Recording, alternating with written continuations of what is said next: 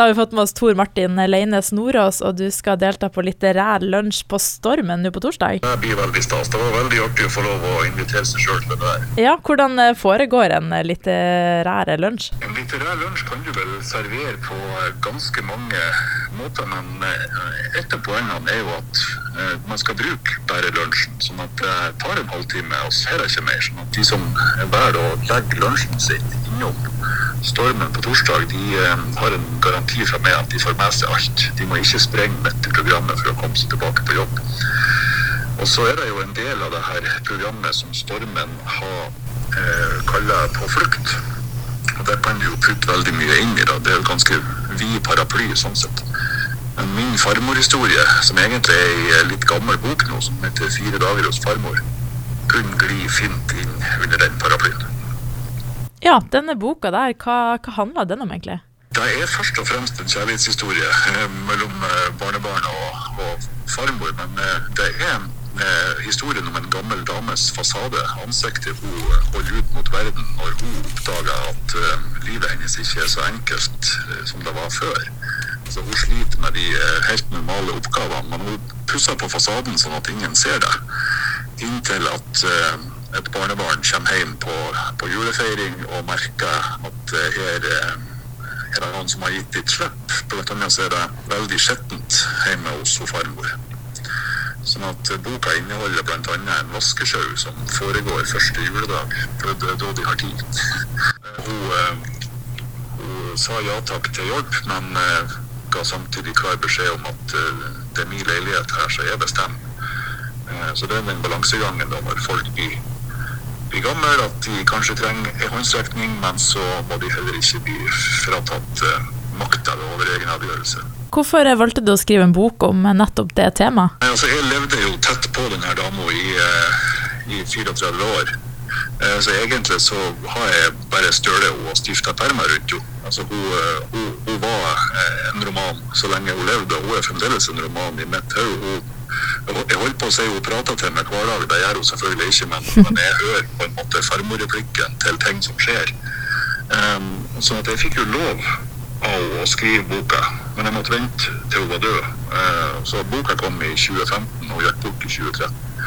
Um, men hun farmor var samtidig såpass rå dame at jeg måtte dempe henne ganske kraftig i bokform for at hun skulle bli litterært troverdig, for å si det sånn. Um, hun, eh, hun drikker vodka òg i boka, uh, men eh, hun drakk vel kanskje litt mer vodka i virkeligheten enn vi gjør i boka, og har dempa språket hennes ganske mye. Hun vantes uh, veldig gladelig. Det kan jo ikke gjøre i bok, da, da ramler leserne av. Hvis at ei gammel dame bruker det språket som farmor faktisk hadde. Uh, Men jeg har samla rett og slett eh, 34-35 år med minner i ei firedagers julefeiring. Da. Og jeg var så heldig å få vokse opp i en generasjonsbolig der hun bodde i andre, og vi bodde i første, så jeg hadde, hadde uh, fri tilgang på bestemoromsorg uh, ja, helt til hun døde for ti år siden. Og jeg ser jo du har jo skrevet flere bøker og sånn. Hvor henter du, sånn forutenom det her og din egen farmor, da, sånn ellers, hvor henter du inspirasjon når du skriver bøker?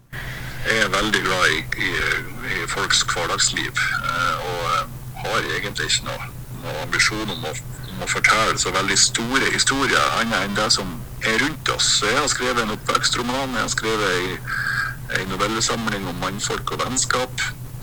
Så jeg har skrevet ei bok om å bli småbarnsfar og få veldig sterk angst. Og så har jeg skrevet tekster til ei kunstbok.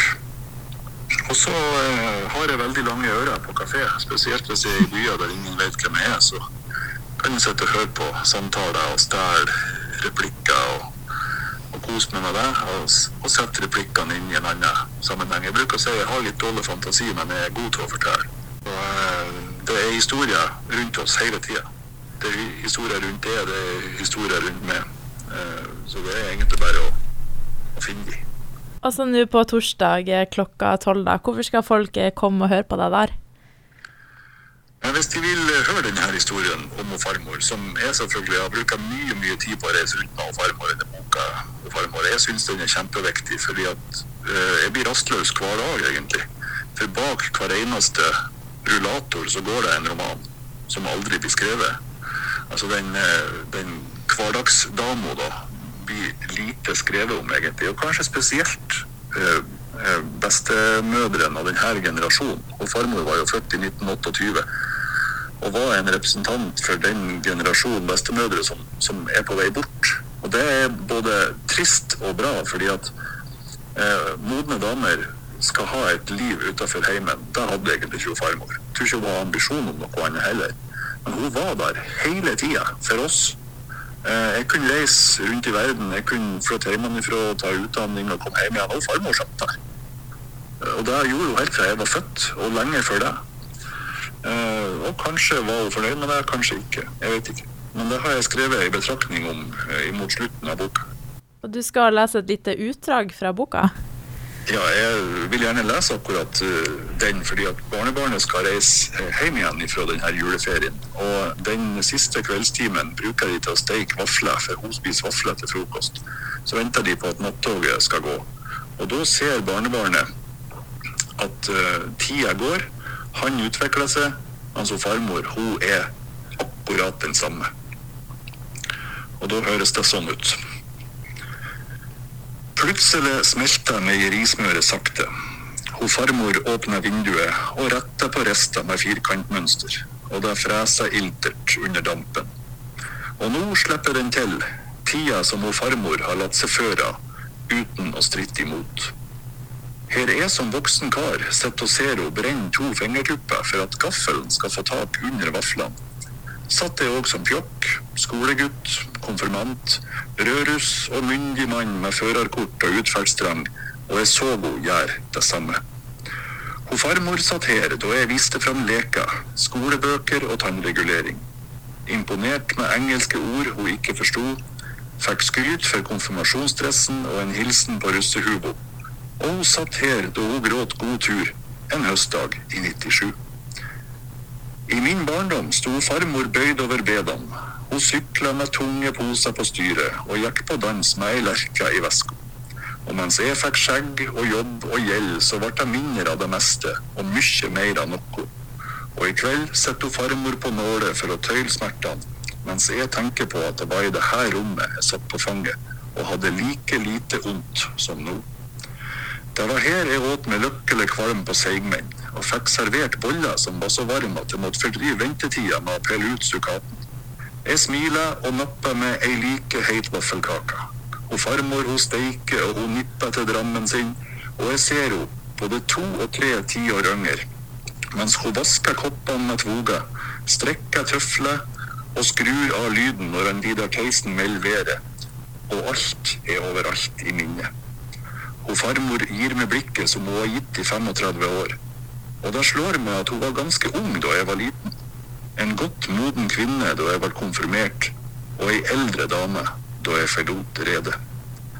Brått er hun farmor gammel, og klokka runder ni, mens jeg skjønner at tida har gjort det fale å vente, sjøl bare et par døgn til en bursdagstelefon. Så jeg røper hemmeligheten min imellom to vaffelhjerter. Det høres jo helt uh, nydelig ut. Um, tror det er mange som kan kjenne seg igjen i, i det, og spesielt den generasjonen der. Uh, ja, du får tvi-tvi på festivalen, og tusen takk for at du ville stille til intervju. Tusen takk for at du ringte. Det var veldig hyggelig.